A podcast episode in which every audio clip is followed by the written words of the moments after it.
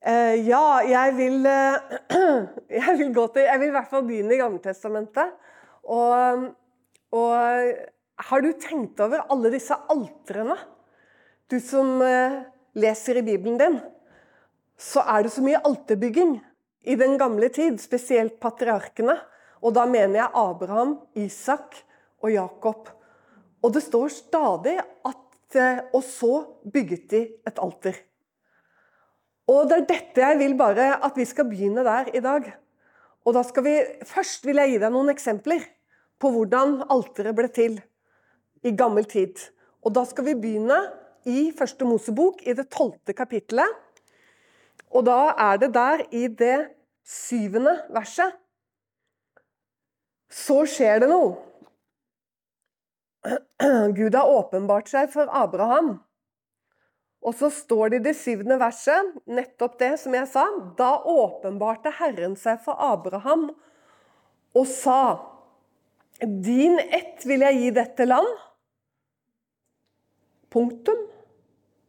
Og han, Abraham altså, bygget der et alter for ham. Og så skal vi gå til Isak. 26. kapittelet, 25. verset. Så står det samme natt, 24. verset, samme natt åpenbarte Herren seg for ham og sa, 'Jeg er Abraham, din fars Gud.' 'Frykt ikke, for jeg er med deg, og jeg vil velsigne deg og gjøre din ett tallrik for Abraham, min tjeners skyld.' Der bygget Isak et alter og påkalte Herrens navn, og han slo opp sitt telt der. Og Isaks tjenere gravde der en brønn. Og da har du eh, lagt merke til det som står mange andre steder, men som jeg selvfølgelig eh, ville først og fremst understreke, at alteret det ble så å si alltid bygget som en respons på Herrens åpenbaring. Det var et møte mellom et menneske og Gud som ble til et alter. Og du ser det at begge stedene så står det og det kommer nesten enda bedre fram hvis du ser det hebraiske. Jeg leser ikke hebraisk, men jeg bruker hele tiden det hebraiske teksten, fordi at jeg har steder å gå til på nettet hvor jeg kan se nøyaktig hvordan det står på hebraisk. Og der står det veldig understreket, litt i min bibel òg, jeg vet ikke hvordan det er i din oversettelse, der. Altså Det er viktig at det er der at det skjer. ikke sant? Der bygget han et alter. Ikke der, men der bygget han et alter. Hvor da? Jo, der hvor Herren hadde åpenbart seg. Og med Isak så kommer det kanskje enda litt bedre fram, for der står det også at han ikke bare der bygget et alter, men der slo han opp sitt telt, og der bygget han en brønn, og der satset han. Altså, det var der det ble satset, og det var der han tjente Gud. Og så skal vi gå til en som er av et litt annet kaliber, og det er Jakob. Uh, og men først skal vi bare se noe fint som skjer i det 28. kapittel. og Da vet vi litt fra sammenhengen. De fleste av oss, Det er ikke krav at alle har lest veldig nøye disse tingene. så Derfor så bare forteller jeg deg helt kort at nå er det Jakob, barnebarnet til Abraham, som rømmer uh, fra familien sin. Han må tilbake til det landet Abraham en gang var reist ut ifra, Mesopotamia, fordi broren hans har tenkt å drepe han. Så han er på flukt etter råd fra familien sin at du må komme deg vekk. Dra tilbake til min slekt og bli der, liksom. Og mens han er på veien, og det står, vi vet ikke akkurat hvor dette er, et eller annet sted midtveis, og, det vet vi heller ikke, hvor han blir trett ikke sant? Og, og vil legge seg ned for å sove. Og så åpenbarer Gud seg. Han tar en stein under hodet, står det. Og så åpenbarer Gud seg, og så ser han en stige fra der han ligger, opp til himmelen, og på toppen så ser han Herren selv, som taler til ham. og så ser han Guds engler som går opp og som går ned over denne stigen. Og Så står det om dette på slutten av det Gud sier, fra det 15. verset i 28. kapittel i første Mosebok, så står det Og se, det er avslutningen på det Gud sier til Jakob, som han nå hører mens han sover. Og se, jeg er med deg og vil bevare deg hvor du så går. Og jeg vil føre deg tilbake til dette. Og her skal det egentlig ikke stå land, skjønner du. Det er litt slurving, for det er mye med bokstavelig. Han vil føre deg tilbake hit, til denne jorda. Her. Her, Jakob. Her vil jeg føre deg tilbake.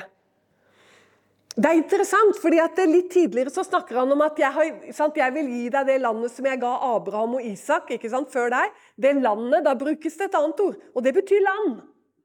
Mens her er de også oversatt land, og det er litt sånn slurving. For det er ikke det Gud sier. Han snakker helt konkret om det stedet hvor Jakob er nå.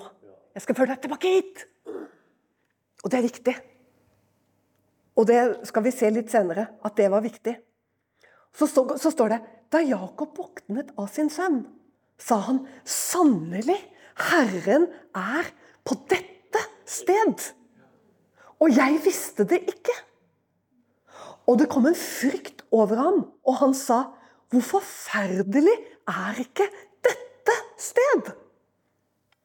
Her er visselig Guds hus. Her er himmelens port. Morgenen etter sto Jakob tidlig opp og tok den stenen han hadde lagt under sitt hode, og reiste den opp som en minnesten. Han helte olje over den, og han kalte dette sted for Betel. Herrens hus betyr det, eller Guds hus. Bet, beit, el. El er Gud, beit er hus. Guds hus kaller han det. På dette sted, hvor forferdelig er ikke det? sier Jakob. Her. Så sier jo Gud, har sagt ham, at han skal føre ham tilbake igjen. ikke sant?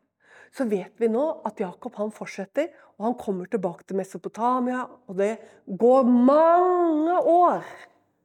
Mange år! Vi vet at han eh, var syv år for Rakel, og, nei, syv år for Lea, og så jobba han syv år for Rakel. Og ja, og til sammen, når vi tenker når han begynner da endelig å komme seg ut av Labans klør For Jakob var jo en luring selv. Og han hadde jo lurt både Han hadde lurt faren sin skikkelig. ikke sant? Han og moren hans, Rebekka, hadde lurt han. Og nå møtte han en verre luring. Og det var Laban. Og det var broren til Rebekka, onkelen hans. Han var en mye større luring. Og Derfor har Laban i all ettertid blitt det det er å være en Laban. Det er ingen som kaller sønnen sin Laban. ikke sant? Det er en god grunn til det, at du ikke gjør det. For han var ikke noe sånn veldig spesielt. ikke sant? Han er en skikkelig luring. Han overgikk Jakob, så han fikk smake sin egen medisin i 14 år sammen med Laban.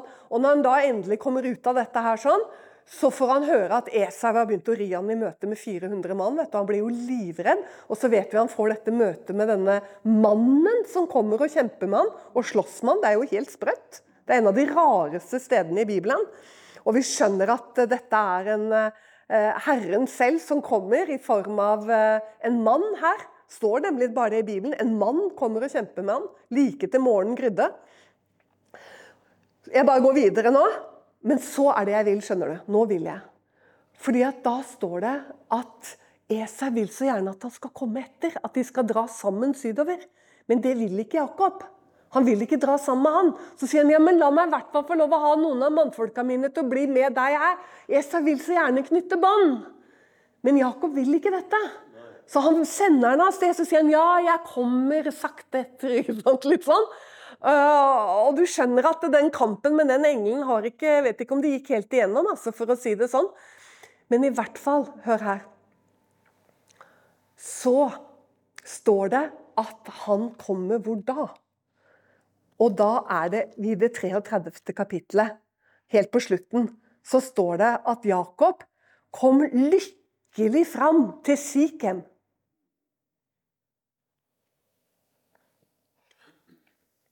Som ligger i Kanans land. Og da han kom fra Mesopotamia Ja, han kom lykkelig fram til Kanans land da han kom fra Mesopotamia, og han slo leir utenfor byen, utenfor Sikhem. Og så står det at han kjøpte der et stykke, stykke mark av Hemor, Sikhems far, for 100 kesitter. Ok, vi har, fått, ja, fått med det også. Men det jeg vil ha, da, det er det som står i det 20. verset. Legg merke til det.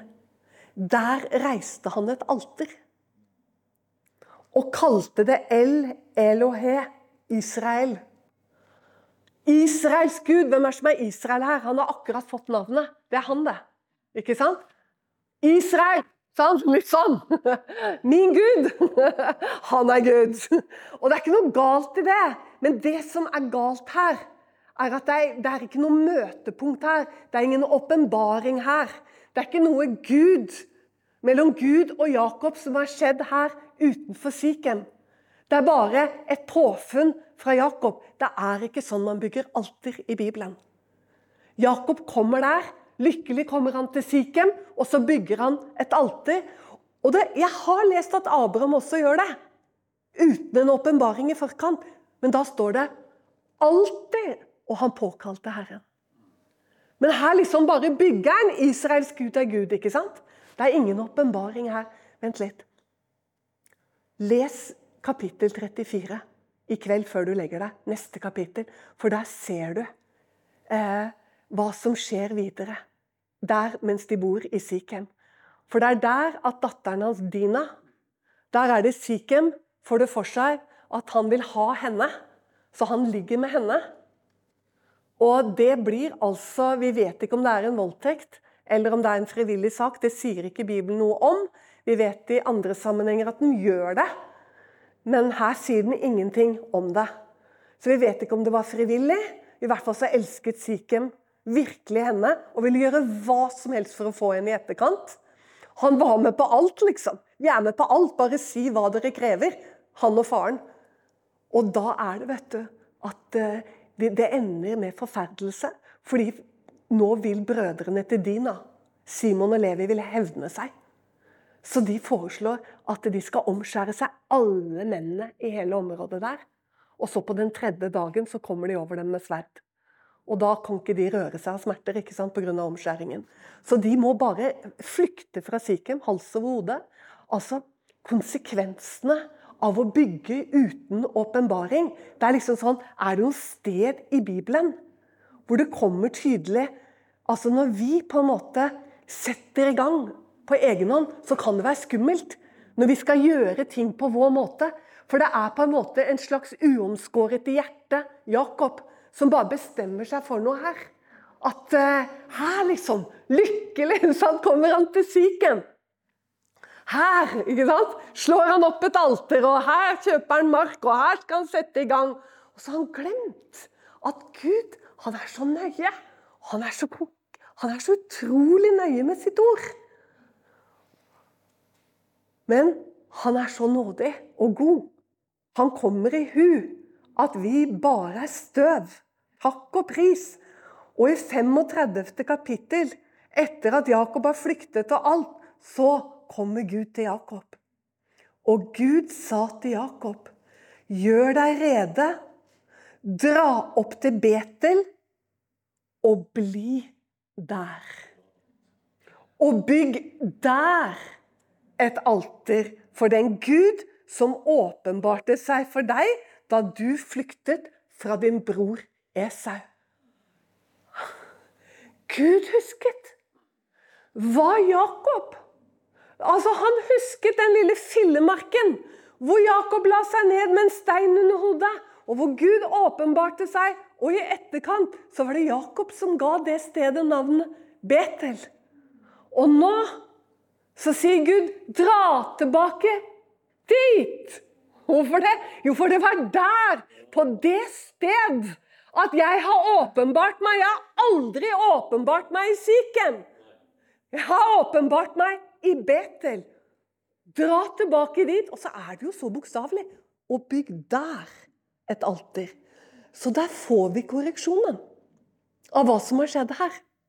Jakob setter i gang på egen hånd, men han sier du skal dra tilbake til åpenbaringen, til der, til møtestedet, og der skal du bygge alteret. Og Jakob gjør det. Han drar tilbake, han bygger et alter, og Gud åpenbarer seg for ham igjen. Og da kommer jo de rike løftene med velsignelse. Han stadfester at hans navn skal være Israel. Men legg merke til hva som skjer igjen. så står det da i det Og Jakob, 15. verset, kalte det sted hvor Gud hadde talt med ham, enda en gang kommer det, Betel. Og så 16. verset. Så brøt de opp fra Betel. Ja. Og så får du bare lese videre. Hva var det Gud hadde sagt? Han sa 'bli der'. Det er det som er så fryktelig. Og I Salme 87 i Bibelen så står det 'Herren elsker Sions porter framfor alle Jakobs boliger'. Hva er det for noe underlig? Jo, det er rett og slett kunne vært oversatt på godt norsk til 'Herren elsker Sions porter'. Hva er det for noe? Sions porter, Sion i Bibelen er alltid det som er født av Gud. Så Herren elsker det som er født av Han, framfor alle Jakobs påfunn. Sånn kunne det nesten vært oversatt. Og vi mennesker vi kan ha så mye påfunn. Vi kan ha så mye greier. At vi skal gjøre det på den og den måten. Og vi får det for seg at det skal være sånn og sånn. Men du skjønner, det Gud kan bruke, det er det som er født av Han. Og det er derfor han elsker det framfor alle Jakob sine påfunn. Og det er så mye av dette slaget når det gjelder denne mannen. Kanskje derfor også at profeten Jesaja vet Ofte når Jakob brukes på hele folket, så er det liksom når det står Jakob i stedet for Israel, så er det ofte sånn fordi Jakob, hans skrøpelighet, som blir løftet fram. Det står til og med i min bibel så står det 'du usle makk'. Det står det 'Du usle makk', kaller han. Men altså, det er med kjærlighet.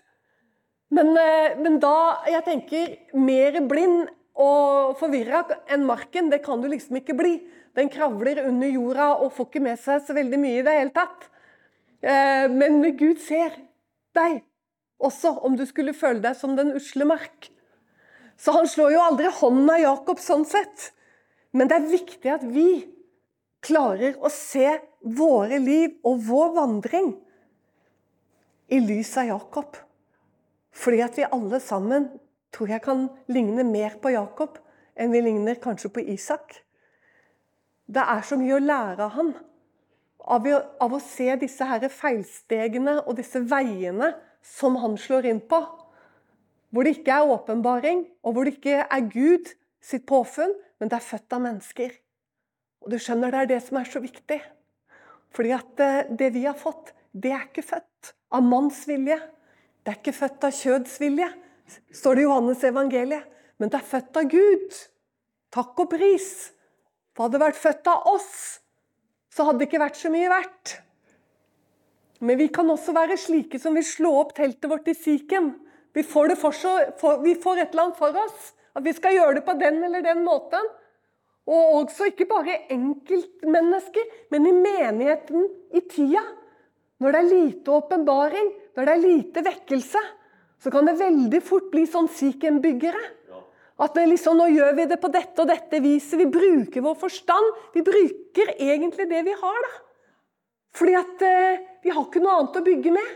Vi blir lutfattige, ikke sant? Hvis ikke det er åpenbaring lenger i Bibelen, så står det uten åpenbaring blir folket tøylesløs. Det er ikke noe. Vi er helt fullstendig avhengig av Gud.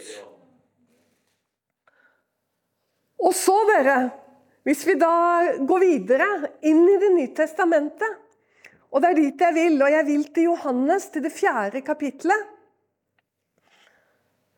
Og det er veldig kjent, denne passasjen mellom Jesus og kvinnen ved Sykarsbrønn. Og da er vi i dette landet. Der hvor Jakob kom til Sikhem. Der hvor Jakob kjøpte land. Det er her Jesus kommer nå. Han kommer inn i dette området med den arven Jakob la igjen der. Jeg vet ikke hvor lenge han bodde der. Bibelen sier ikke alltid hvor lenge de er der. Han kan ha vært der et år. Han kan ha vært der et par år. Det er ingen som vet hvor lenge han var i Sikhem. Men han var der så lenge at han etterlot seg en arv. For det er en brønn der som heter Jakobs brønn. Sånn at eh, dette folket som bor i Sykar, det er utenfor Sikhem, det vet vi i dag. Det er ikke det samme som Sikhem. Det er utenfor og i nærheten av Sikhem. Og det er spennende. For du skjønner, det stemmer med det at når Jakob kom, så står det det. Han kom til Siken. Og det Siken fantes på Jesus sin tid òg. Så står det det at han slo opp sidetelt utenfor Siken. Og så står det her at Jesus kommer til en by som heter Sykar. Og den vet vi at var i nærheten av Sikhem. Så antageligvis er dette en by, et sted, som er på en måte vokst opp der hvor Jakob faktisk hadde slått opp sine Skjønner du? Gjort til sitt område, da. Det han kjøpte og gjorde til sitt område. Der setter Jesus seg ned. I dette området. Og han sitter der ved Jakobs brønn. Og så kommer denne kvinnen. Og det er et av de mest kjente stedene i Det nye testamentet. Og jeg vet ikke hvor mange taler som har vært talt over dette. her, Sikkert en hel haug av dem. Og du har kanskje allerede hørt mange av dem. Eh, mange av det. Det er veldig kjent, dette møtet her sånn. Og her sitter Jesus, og så kommer denne kvinnen. Og så begynner de å snakke sammen. Og denne samtalen Vi må bare lese litt sammen. For det er så spesielt, det som skjer. Vi kan ta det og lese litt ifra Vi tar det fra femte verset. Så kommer han til en by i Samara som heter Sykar. Vet du forresten hva Sykar betyr? Det kommer av sakar, og det betyr å være full. Det betyr rett og slett full, beruset. Og det er nær ved det stykket land som Jakob ga sin sønn Josef. Der var Jakobs brønn. Jesus som var trett av reisen, satte seg nå der ved brønnen. Det var omkring den sjette time. En kvinne fra Samaria kommer for å dra opp vann. Jesus sier til henne, 'Gi meg å drikke'. Hans disipler var gått bort til byen for å kjøpe mat, og den samaritanske kvinne sier til ham, 'Hvordan kan du som er jøde, be meg som er samaritaner, om å drikke?' Jøder har ikke samkvem med samaritanere. Jesus svarte og sa til henne, 'Kjente du Guds gave?' Og visste du hvem det er som sier til deg, 'Gi meg å drikke'? Da hadde du bedt ham, og han hadde gitt deg levende vann. Kvinnen sier til ham, 'Herre, du har jo ikke noe å dra opp vann med.' 'Og brønnen er dyp. Hvor har du da det levende vannet fra?' 'Du er da vel ikke større enn vår far Jakob, som ga oss brønnen og selv drakk av det, han og hans sønner og hans fe.' Jesus svarte henne og sa til henne, 'Enhver som drikker av dette vannet, skal tørste igjen.' Du, vår far Abraham Nei, hva er det sier noe? Vår far Jakob. Da skjønner du at her er det jo noe. Hun er jo samaritaner, hun er jo ikke jøde. Hun kaller Jakob for sin far. Altså, det er lagt igjen. Jakob han la igjen en arv. Han la igjen noe, men som ikke var så veldig bra. Fordi at han la igjen en blanding. Han la igjen en tro, en religion, uten åpenbaring. Det er litt sånn skummelt. Det er litt sånn at han bygde et alter uten åpenbaring, og, og, så ble også det resultatet. Det ble en religion som ikke er grunnlagt på det Gud har født, men det ble grunnlagt på det mennesker har født. Og det er den arven som lå der i det området. Og denne kvinnen er jo så forvirra. Hun snakker om at ja, skal vi be på det fjellet eller det fjellet, og noen sier at vi skal be i Jerusalem. ikke sant? Og så begynner hun å snakke om dette vannet, og de snakker jo på to forskjellige nivåer. For han snakker jo åndelig om det vannet han kan gi, Den hellige ånd. Og hun snakker om det fysiske vannet. Og det som også er litt sånn spennende oppi alt dette her, da, er at det heter Jakobs brønn. Men hun kaller det ikke det. Hun sier egentlig hva det faktisk er. En sisterne. Så tenker vi ja, men Eva, hva er det noe som er poenget med brønn og sisterne? Er ikke det samme greia? Og har det noe som helst åndelig betydning? Ja, det har det. For du skjønner, når israelfolket kom inn i landet, så begynte de med noe som Gud lærte dem, og det var å grave seg ned til det levende vannet. Du skjønner, de hele veien Abraham begynte med det, Isak fortsatte med det, og, eh, og Israel-folket fortsatte med det. De gravde seg ned. De gjorde ikke sånn som kanonittene, for de drev ikke med det. De lagde sisterner. De lagde seg rett og slett sementerte eh, eh, brønner. Det kunne bare være en grop i bakken som de sementerte til, og så samla de vann. Så det er ikke levende vann. Det kan være regnvann som bare har samla seg i disse sisternene. Som bare sto der og ble dødt vann. ikke sant? Så hver husstand hadde sin sisterne. Og dette brukte de i husholdning, og dette lagde de sikkert øl av og sånne ting, for det var jo ikke bra nok til å drikke av det som rent vann. Men israelittene, Gud viste dem at dette landet drikker av himmelens regn. Altså vannet fins under bakken. Så Gud lærte dem å grave ned til det levende vannet.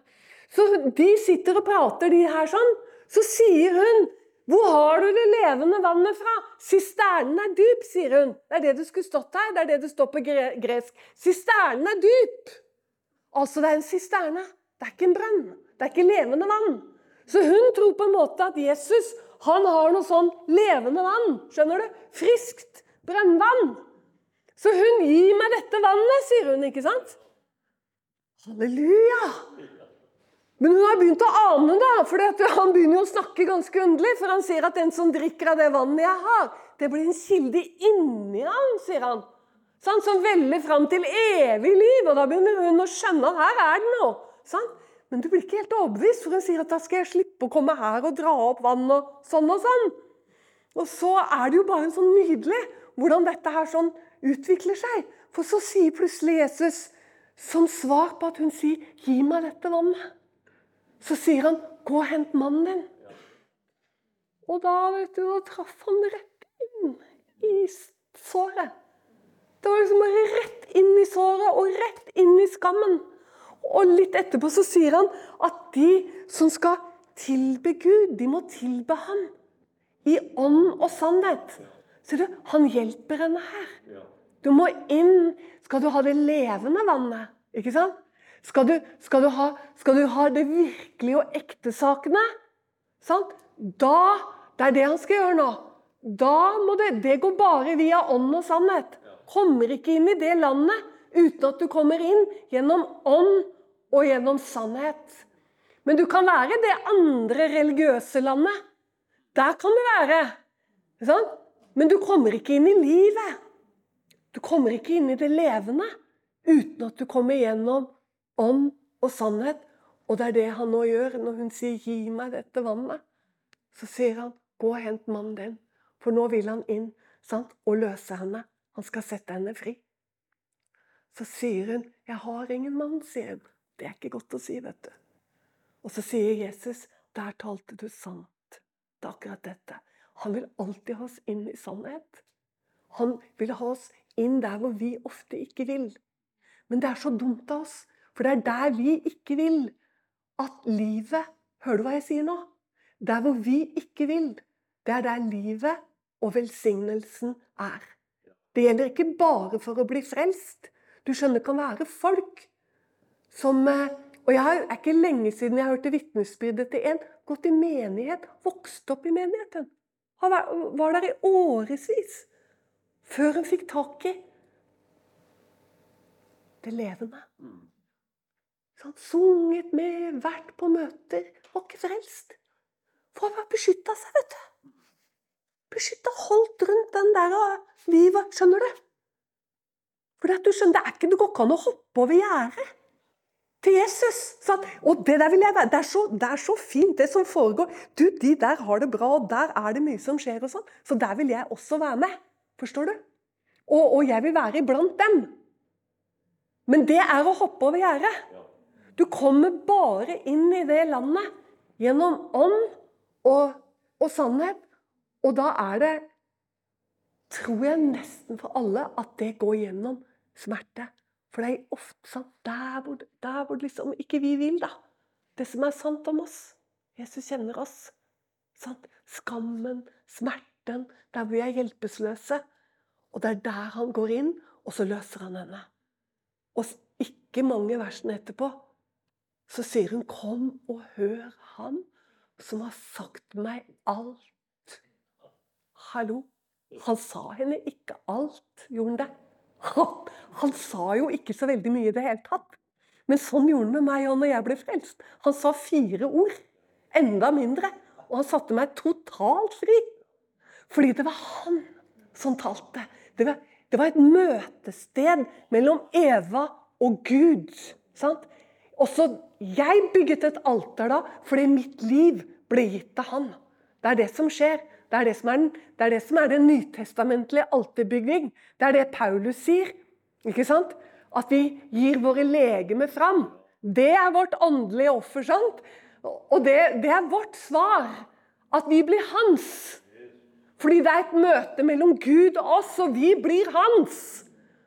Og da er vi født av ånd. Sant? Vi er ikke født av kjøtt, vi er ikke født av manns vilje, men vi er født av Gud. Og det blir ånd, og det blir sannhet. Og da kunne hun si at han har sagt meg alt. Sant? For han hadde sagt alt. Han hadde satt henne fri. Han hadde løst henne ut. Han hadde sett henne. Sett henne. Og hun ble momentant løst og fri, dere. Og dette her sånn, det er ikke bare når vi blir frelst. Det er det derre å komme tilbake til vårt Betel.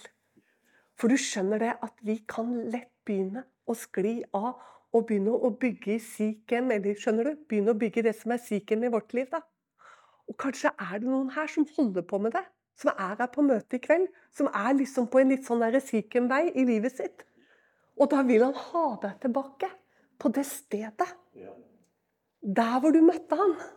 Han vil ha deg tilbake dit inn i åpenbaringen.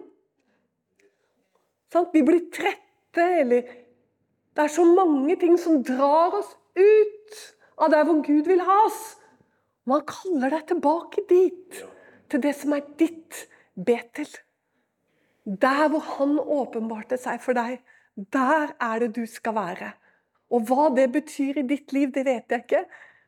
Eh, og hva det betyr i den som sitter ved siden av deg, det kan være noe annet. Men han vil ha deg tilbake dit, for det er der han er. Han kan ikke være noe annet sted. Og han kaller deg tilbake dit, til det som er ditt Betel. Her er hun. Her, på dette sted. På dette sted. Alle må vi ha det i våre liv. På dette sted har Gud vært. Her har Gud møtt meg. Og det vil han gjøre, ikke bare én gang når han frelste oss, men om og om igjen så vil han møte oss på vårt sted. Så det blir levende, så det blir virkelig. Så vi ikke bare holder på med noe, eller våre egne påfunn, men dette her, det er født av Gud.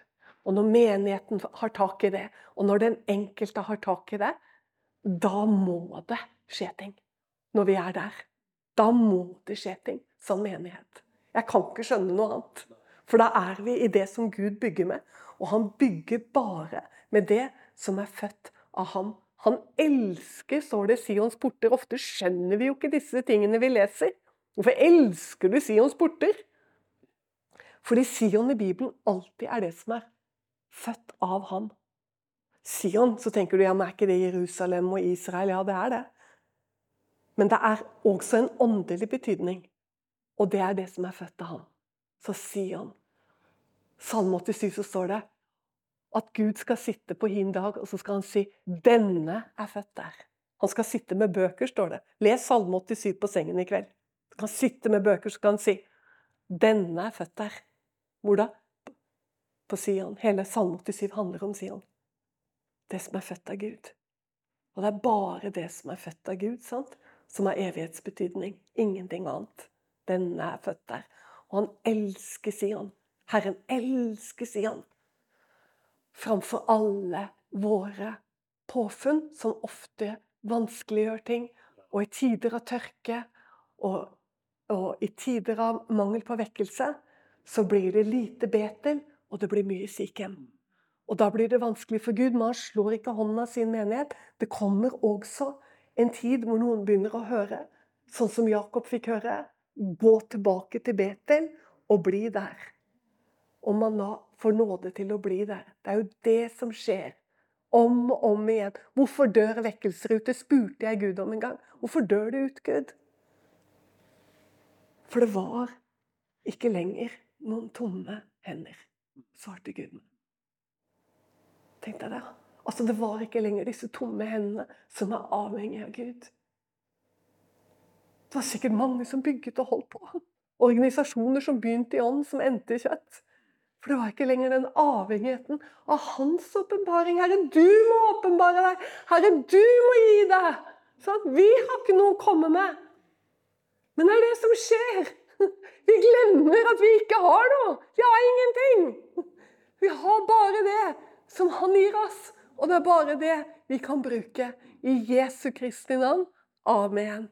Lovet være Herren. La oss bare reise oss litt opp til slutt. Herre, jeg takker deg. For du er en vidunderlig Gud, Herre. Og du har vist det gjennom hele Bibelen. Og vi er i sentrum av hva, hva, det handler om, Herre. Å være, være født på ny og være en kristen. Jeg er født av Gud. Stå med oss økonomisk og i bønn. Du finner oss på utentvil.com.